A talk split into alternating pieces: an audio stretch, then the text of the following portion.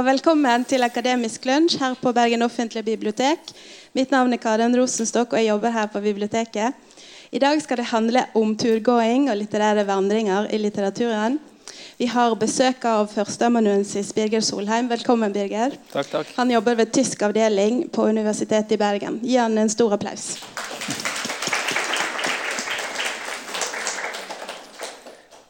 Ja, eh, takk skal dere ha, alle sammen. Eh, her er utgangspunktet for at jeg står her i dag, nemlig denne boka.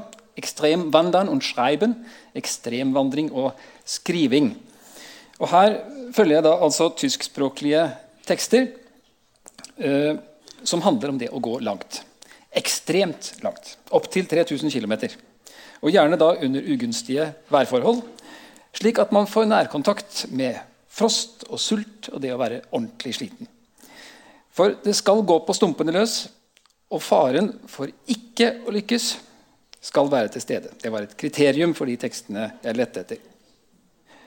Modernisering på alle områder har snudd livene våre fullstendig opp ned de siste 200-300 årene. Litteraturen har speila dette fra første stund.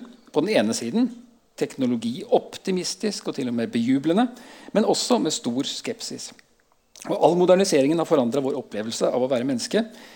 Eh, fra vårt forhold til store spørsmål som Gud og eksistens, til måten vi forholder oss til medmenneskene våre.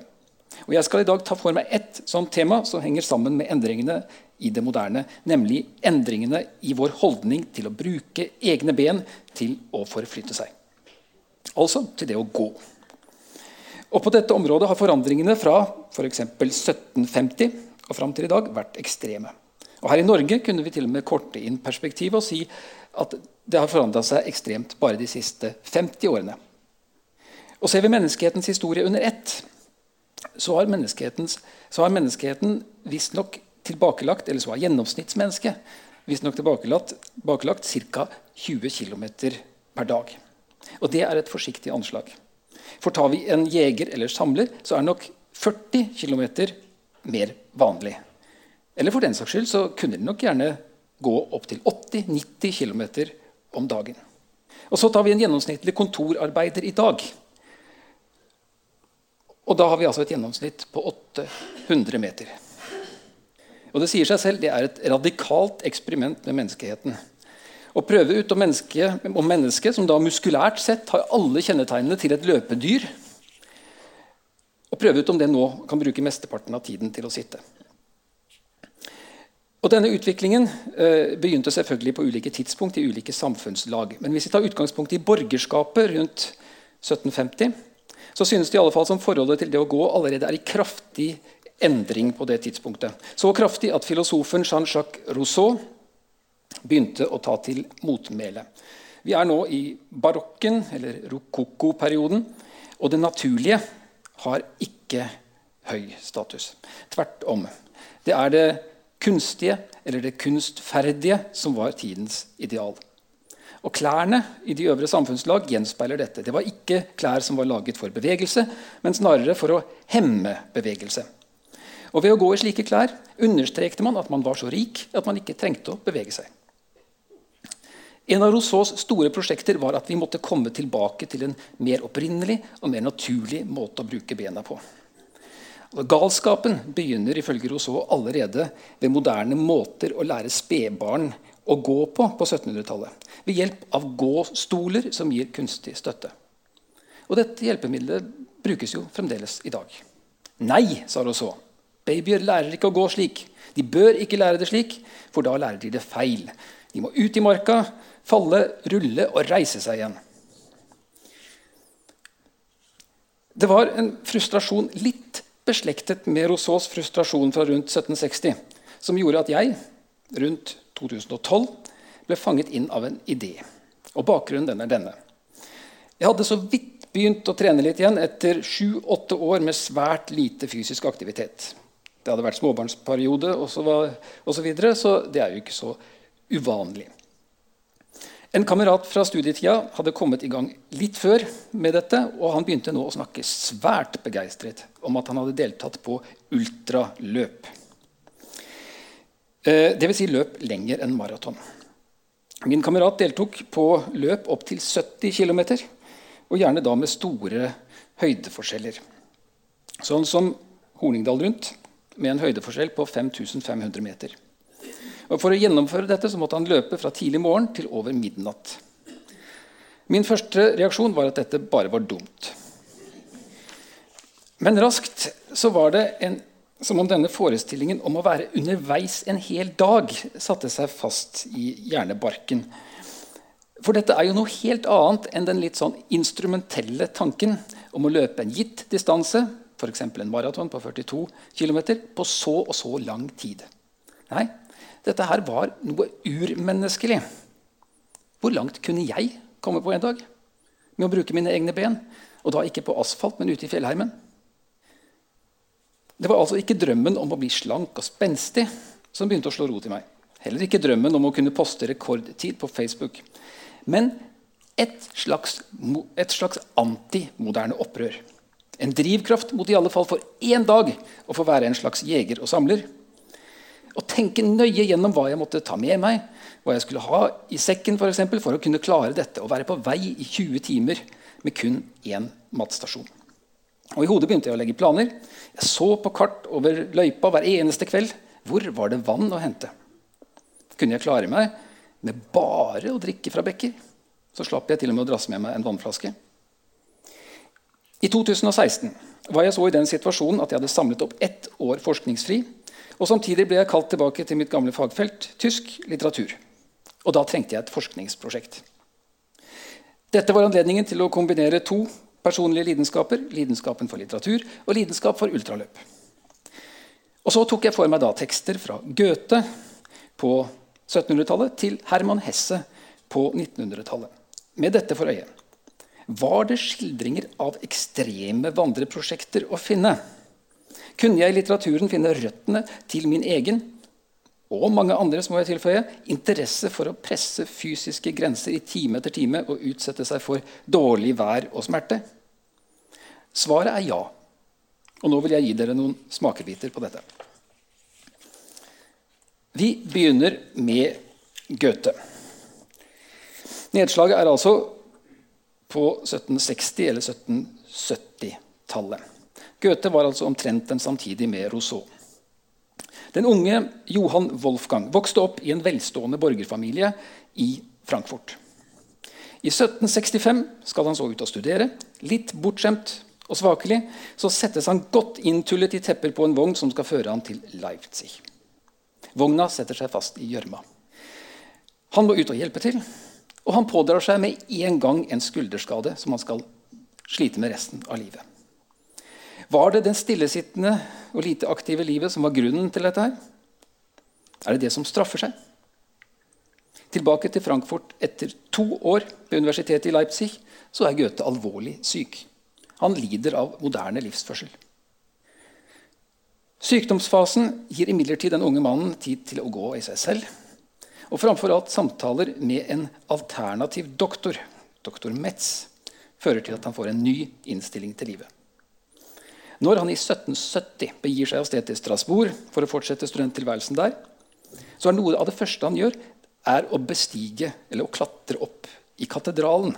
Ja, noe som i og for seg ikke er så voldsomt imponerende. Men, men i bestigningen av denne uh, katedralen får vi nærmest inntrykk av at det er en tindebestigning. Det fysiske framheves. Hopper vi så noen år fram i tid, tilbake til Frankfurt, så har vi å gjøre med en Goethe med forkjærlighet for å bruke egne ben. Han vandrer bl.a. fram og tilbake i skogen mellom Frankfurt og Darmstadt, der hans nærmeste dikterkolleger ofte samler seg. Og det er gjerne rundt 40 km hver dag. Fjellområdet Taunus trekker han også ut på utflukter. Det går så langt at Goethe får tilnavnet Vandreren. På en av sine vandringer til Darmstadt blir han så overrasket av vinteruvær. Han bakser i dyp snø samtidig som han ekstatisk maner fram et dikt i stil med Pindars hymner. Her ser vi veien Nei, vent litt. Der uh, hoppa vi litt for mye. Ja. Der har vi det. ja. Eh, altså Han maner fram dette diktet ute i uværet, og til sist så er det som luften går ut av ham, og pusting og pesing overtar. Det kan ikke dere se akkurat her, men, men, men her er altså på en måte rytmen i diktet brutt sammen. Når han får øye på da endelig den hytten som kan gi han ly. Den unge, ville og stormfulle Goethe synes altså å finne noe viktig i en sånn naturerfaring som mange ville sagt var på grensen til det uforsvarlige. Den fysiske utfordringen synes viktig i seg selv. Vi kan si at dette er det oppkommende borgerskapet sitt opprør mot et samfunn med alle tegn på tilstivning. Adelen, eller Herskapet til adelen la bånd på det borgerlige individets utfoldelse. Og hadde de adelige enda vært noe å se opp til, men de var fete, ytterst lite intellektuelt fleksible, nedstøvede. Her trengtes det opprydning, mente Goethe. En slags revolusjon. Og som så ofte ved revolusjoner så tar man, for å kunne ta dette steget framover, først et steg bakover. Til en tilstand før alt gikk galt, til en tilstand før samfunnet ble sykt og dekadent. Og For både Rousseau og Goethe blir dette steget et langt steg. Et steg tilbake til en naturtilstand, til jeger- og sankertiden, kunne man kanskje si. Eller til grekernes såkalte gullalder, Arkadia, der mennesket ikke var preget av sivilisasjonen i det hele tatt. Den nye og oppkommende borgerlige elite kan kun skape noe eget og nytt dersom de velger ikke å bygge videre på den etablerte adelige kulturen, men går tilbake til urtiden så å si, og skaper kulturen og sivilisasjonen på nytt med godt rotfeste i naturens renhet, styrke og kraft. Livet skulle imidlertid ikke gå helt slik Goethe kanskje hadde forestilt seg i den tiden da han halset rundt i storm og uvær i timevis. Med romanen 'Unge Werthers lidelser' fra 1774 blir Goethe så å si over natten en verdenskjendis. Øynene retter seg mot ham hvor enn han er, også øynene til hertugen i Weimar, hertug Carl August. Og hertugen tilbyr Goethe jobb, eller kaller ham til seg, er vel kanskje vel så riktig å si. Og fra nå av befinner Goethe seg i adelige kretser. Og jobben hans er i stor grad stillesittende. Rett nok brytes det av og til opp med hertuglige jaktselskaper, rideturer, besøk i gruvene som han er ansvarlig for osv. Men likevel er bruddet med ungdomsårene så store. Fravær av muligheten til å gjøre som man vil og utsette seg for naturens ubehageligheter er så avgrenset at til slutt så er begeret rett og slett fullt. Sommeren 1777 legger Goethe en hemmelig plan.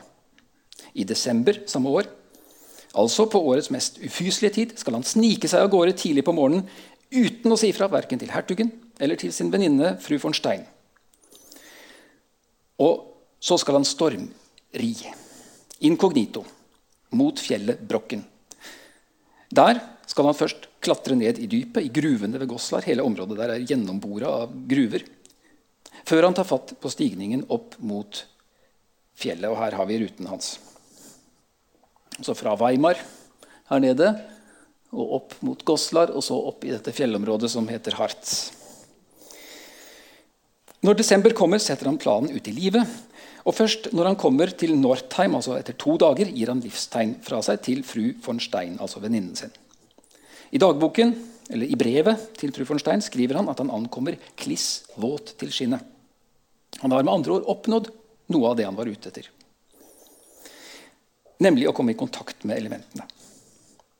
I diktet 'Hartsreise im Winter' beskrives denne turen nesten kronologisk, har litteraturviteren Albert Schøne funnet ut. For han har sammenholdt dagbøker og brev som, som Goethe skrev eh, underveis på denne turen. Og Helst så skulle jeg ha lest diktet for dere, eller oversatt det, men det er det ikke tid til. Men et kort handlingsresymé. Det begynner altså med at dikterjeget ser en rovfugl oppe på himmelen. Dette står både i dagbok og det står i diktet. Den svever på vingene i et desemberlandskap med haglbyger. Og som denne fuglen vil dikterjeget at diktet skal sveve og leve. Diktets andre strofer vier seg så to livsformer som det tas avstand fra. Først har vi de privilegerte. Det er de som når livet, målet i livet uten motstand. Enten de nå har arvet en stor formue eller på annet vis er privilegerte eller da lykkelige. På den annen side har vi de ulykkelige, livspessimistene. De som oppfatter livet som en byrde, uten muligheter, og som oppfatter seg dømt til å være ufrie, ikke å få realisert seg selv og alt det gode de egentlig bærer på inni seg. De som har ren livspessimisme, sperrer seg inn i mørke rom, eller til og med velger å avslutte livet på egen hånd. Begge disse livsformene er for Goethe unaturlige eller dekadente på et vis. Den vanlige fortolkningen av dette diktet knytter imidlertid ikke privilegert eller ulykkelig til om de beveger seg eller ikke. I min fortolkning imidlertid er de privilegerte privilegerte på feil måte. Fordi de sitter i vogn og ikke går. Fordi de benker seg sammen foran peisen inne i stua når det er storm og uvær. Og de ulykkelige de er ekstra ulykkelige fordi de ikke kommer seg ut av det mørke kammeret sitt. Den typiske pessimisten og livsfornekteren låser seg inne på sitt mørke rom og lever av selvmedlidenhet, sier Goethe. Goethe kjenner denne sinnstilstanden fra seg selv, men han kjenner også botemiddelet. Nemlig 'kom deg opp og ut', 'beveg deg', 'løp i fjellene'. Og Denne fortolkningen er det ganske godt belegg for i diktet, mener jeg. Vi kommer til strofe sju. Dikterjeget forlater de privilegerte og pessimistene nede i lavlandet og tar til på den harde, kalde, ensomme veien opp mot fjelltoppen. Den vandrende, naturtrossende dikteren blir her det nye menneskeidealet som diktet kaster ut i verden. Og Hvordan beskrives det så? Å nå en topp etter en strabasiøs tur der farene for å måtte gi seg er overhengende? Ja, det er berusende. Og dikterjeget utvikler der på toppen en helt ny visjon. Istedenfor adelens egoistiske utbytting av bøndene, sånn som det snakkes om i strofe 8 altså Adelen drev f.eks. på med å med villsvinjakt. Og så drev de villsvinene inn på bøndenes områder, som ødela avlingene. og alt dette greiene her, og Dette hadde Goethe selv vært vitne til. Men istedenfor dette, som han kort antyder da i strofe 8, så ser vi at dikterjeget utvikler en visjon om allmennyttig virksomhet der han står på toppen. Det er altså først eh, Vi ser her at det borgerlige humanistiske opprøret mot adelen først utfolder seg etter en strabasiøs fysisk utfordring. Og Her kan vi dra parallell til moderne hjerneforskning, som kan påvise hvordan gåing forbedrer hjernestrømningen i hjernen og rett og slett gjør at vi tenker friere. Vi tenker bedre tanker. rett og slett. Hele turen Goethe la ut på, inkludert ridning, var på rundt 300 km. Jeg kunne sagt mye mer om Goethe og hans forhold til vandring, men hopper nå videre til neste forfatter, nemlig Gottfried Soime. Og nedslaget er nå rundt 1800. Goethe tok oppgjør med adelens rokokko-dekadanse. Det var de parfymerte salonger med adelige som svinset rundt med sine parykker og sitt anemiske utseende, som var motstykket så å si, til den villbassen som kaver seg opp mot brokken i desember i 1777. Soime sin situasjon er derimot mer gjenkjennelig for oss moderne kontormennesker. Problemet til Soime var at han var fanget i en statisk arbeidsstilling. Han var oversetter, han satt bøyd over papirer og kjente på kroppen at dette ikke var bra. Han ville slett ikke ha samme lidelse som sin forlegger, som led av et innsunket bryst. Soimer skiller seg også fra Goethe hva stand angår. Soime tilhører det nedre borgerskap. Han var fattig hele livet og hadde mye uflaks. Han tilhørte ikke de lykkelige eller privilegerte, for å si det slik. En av de store ulykkene i livet hans var at han ble tatt til fange av hertugen av Braunschweig i 1781 og sendt til Amerika som soldat for britene i krigen mot franskmennene. Soime var imidlertid heldig og havnet ikke i krigshandlinger i Amerika, men ble til gjengjeld kjent med huroner. Det er en type indianere. Det også, går også under navnet mohikanere.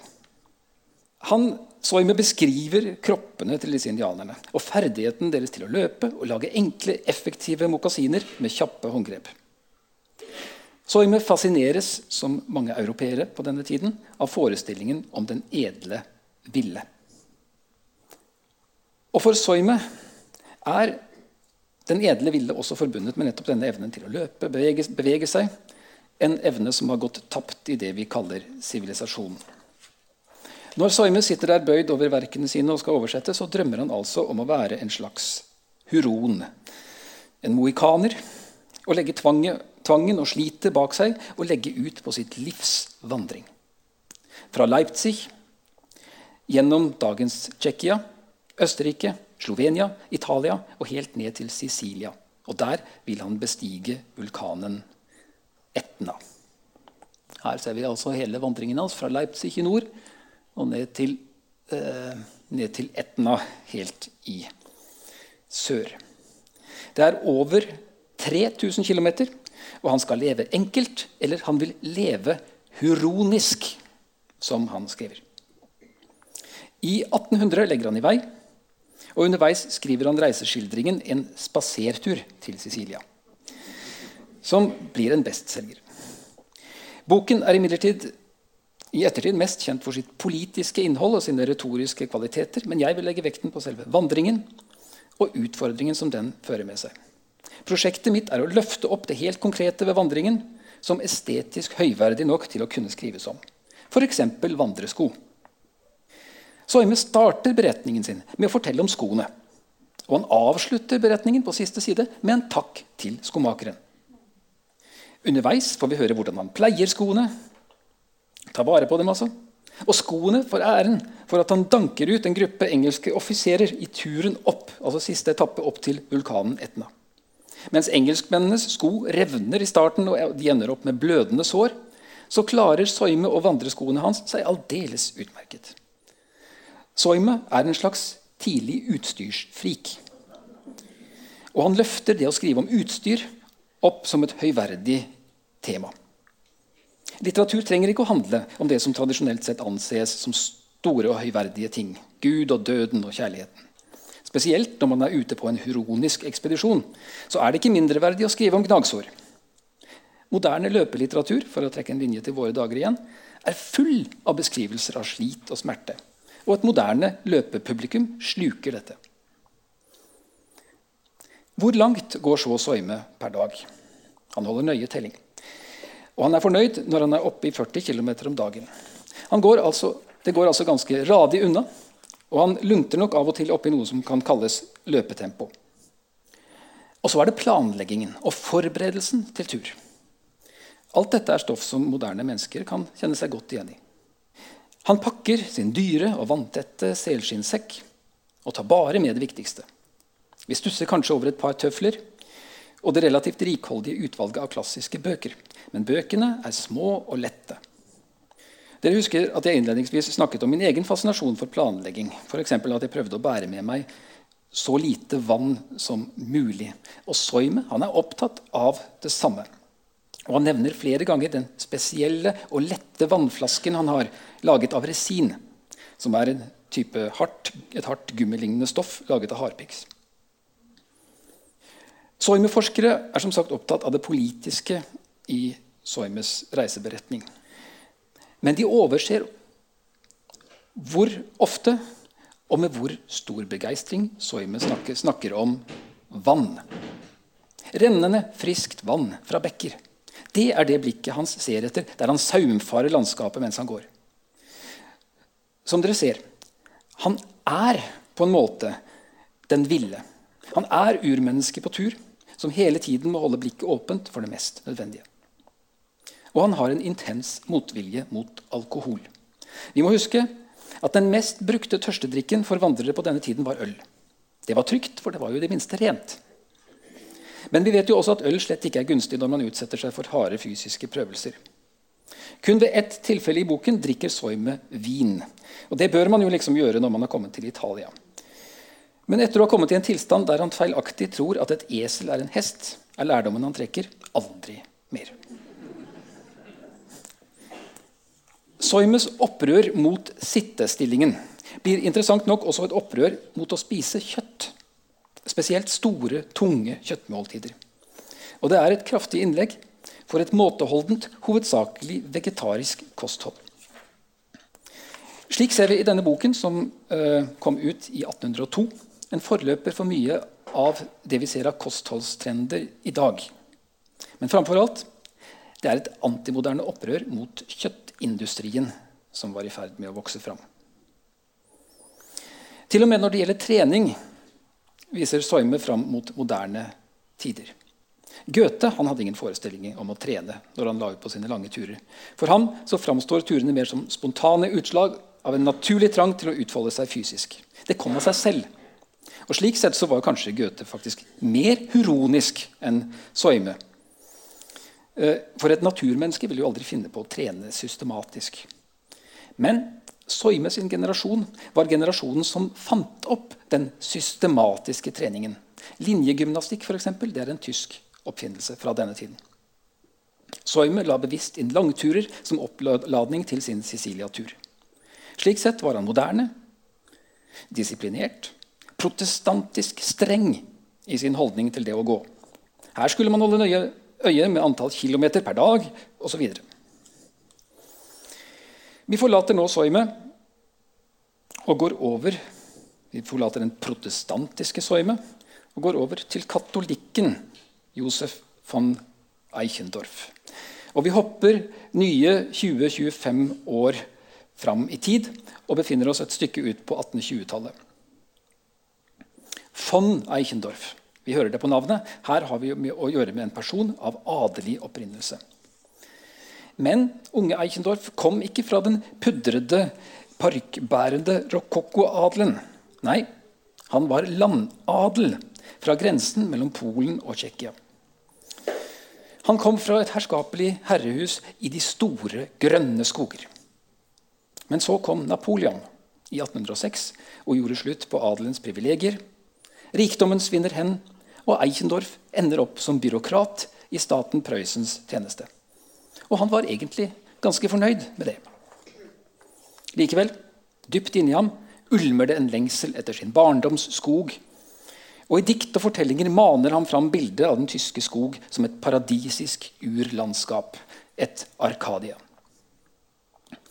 Og så, i sin mest kjente fortelling fra 1825, 'Fra livet til en døgenikt', bærer det ut på langtur. Eichendorf, Eichendorf går altså ikke selv, slik som Gaute og Soime, men sender en enkel møllers sønn ut på eventyr, så å si stedfortredende for ham selv. Ferden går fra en liten landsby i Østerrike til Wien og nedover.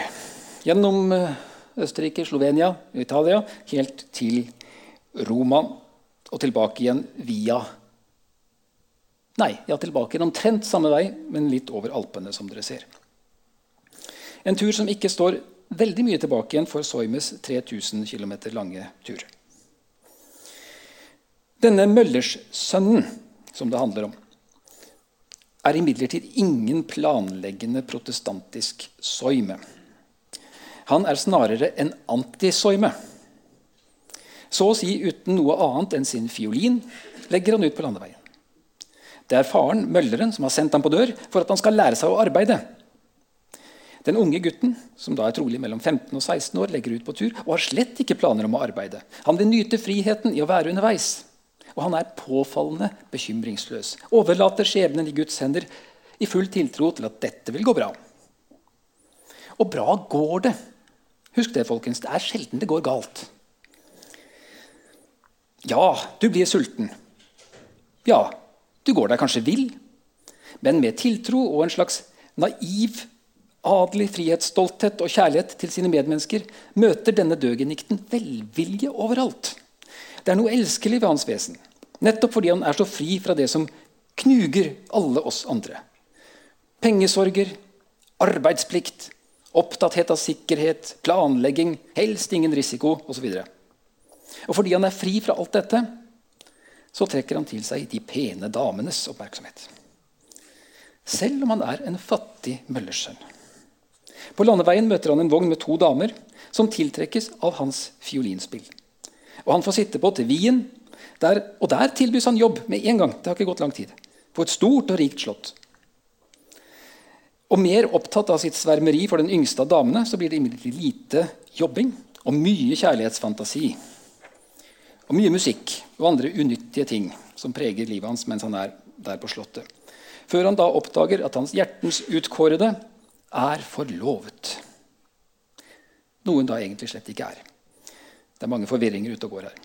Men atter gripes han da av vandrelyst, og uten å si fra så forlater han Slottet og legger i vei mot sine drømmers mål, Italia og Roma. Selvfølgelig uten å ha planlagt noe som helst. Han aner ikke hvilken retning han skal gå. Men igjen, det går som regel bra, bare man har troen. Man finner ofte fram, selv uten kart og planlegging. En viktig forutsetning for at det lykkes, er faktisk døgeniktens fullstendige likegyldighet overfor penger. Og mat, kunne vi tilføye. For ham har noe som han setter høyere. Musikk og det å glede andre ved sitt spill. Da glemmer han at han er sulten. F.eks. når han etter å ha gått seg vill i skogen i mange timer, så, kommer han endelig fram til en landsby. Det første han gjør, det er å spille opp til dans. Og så glemmer han sin egen sult i enda mange timer. Og når noen vil tilby ham penger for hans spill, da blir han sint og fornærmet. Og hva tror dere skjer? Jo, en vakker, rik kvinne kaster et forelsket blikk på vår helt. Og Hvorfor blir hun forelsket i denne fattigpilten? Fordi han er ung og pen, selvfølgelig, men han er også fri. Han er fri fra alt det som binder og knuger. Han er fri fra penger, fri fra forestillinger om arbeid, plikt og disiplin. Soime, protestantisk og fornuftig. Vi ser han her, avbildet med sekk. Soime innbyr ikke på samme måte til forelskelse.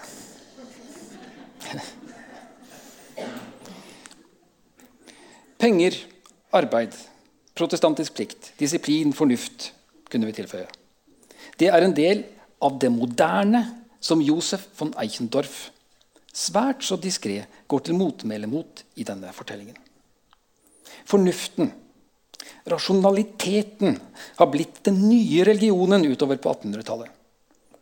Motstykket til dette det er en bekymringsfri, vandrende fant som i naiv tiltro til Gud ordner opp eh, naiv tiltro til at Gud ordner opp, foretar en fantastisk klassereise fra fattig Møllersønn på, Møllersønn på begynnelsen til en velstående mann med eget slott og herskapelig hage på slutten. Vi forlater nå Eichendorff og hopper til andre halvdel av 1800-tallet. Reaksjonen på den moderne livsførselen er nå i ferd med å skape massebevegelser. Massebevegelser som søker tilbake til det mer naturlige.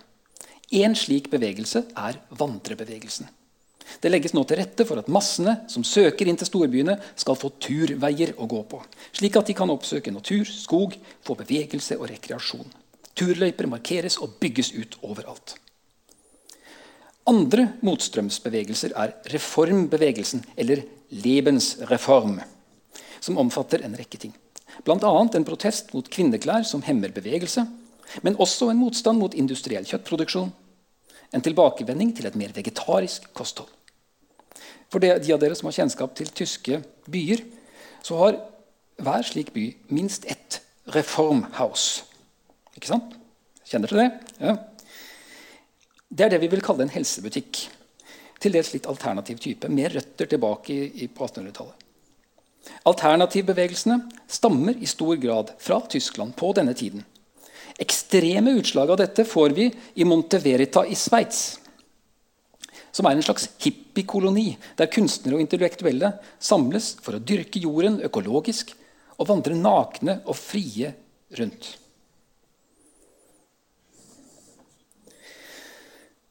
Midt oppi dette så får vi nye ideer om skole, om fri barneoppdragelse, en protest mot latinskolen og dens pugg og kunnskapsfokus.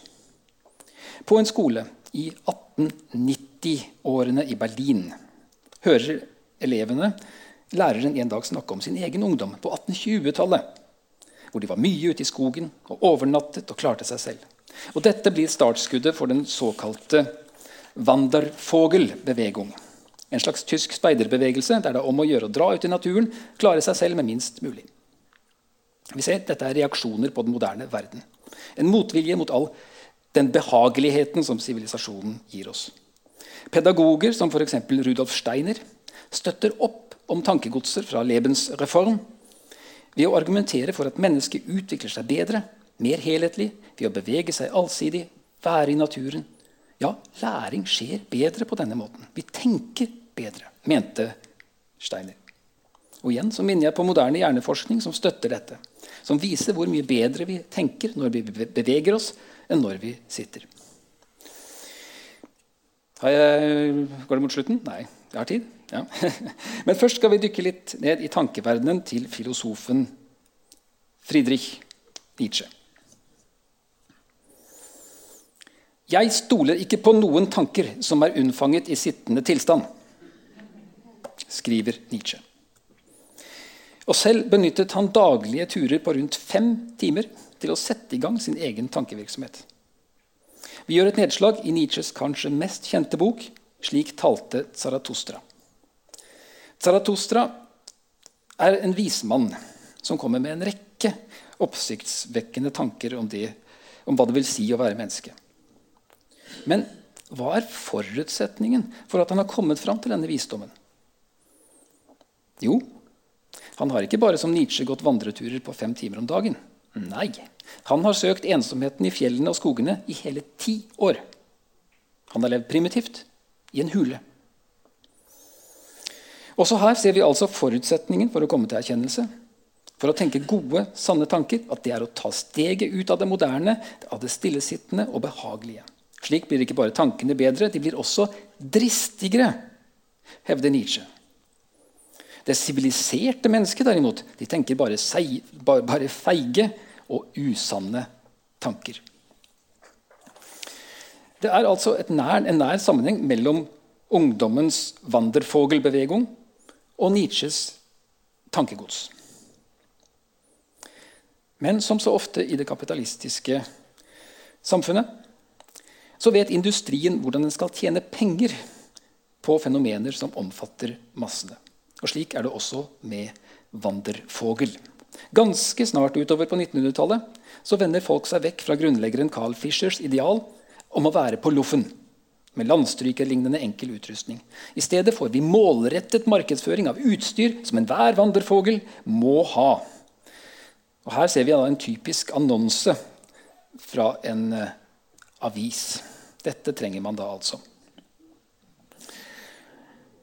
Og dette utstyrspresset det forsterkes ytterligere av at vi nå er inne i de store ekspedisjonenes tid, med helter som Nansen og Amundsen. Og Vi får noen komiske utslag av dette, som i August Trinius sin bok 'Der Rennsteig'.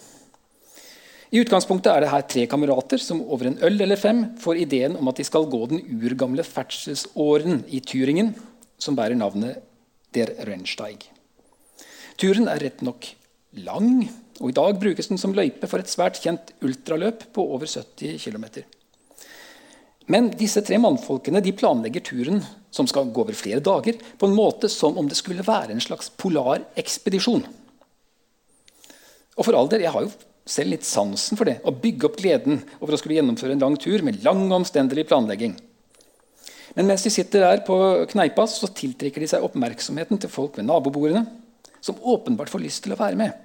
Men da overdriver de den strabasiøse siden ved vandringen enda mer og sier at nei, her er det ikke anledning til å ta med seg annet enn vann og den aller mest nødvendige nisten. Og Slik rister de av seg de innpåslitne og kan legge ut på turen sin i fred. Selve turen blir som forventet ingen særlig spennende affære. Faktisk så oppsøker de vertshus underveis. For dette har jo blitt utbygd på 1880-tallet, slik at man knapt kan unngå dem i de tyske skoger. De drikker sin øl og spiser sin mat, og særlig ekspedisjonspreget er det ikke. Til tross for at utstyret det er tipp topp. Ideene til vandrebevegelsen vannes altså ut.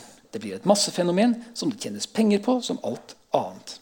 Jeg vil derfor avslutte foredraget mitt med en bok som kom ut på 1920-tallet. skrevet av Manfred Hausmann.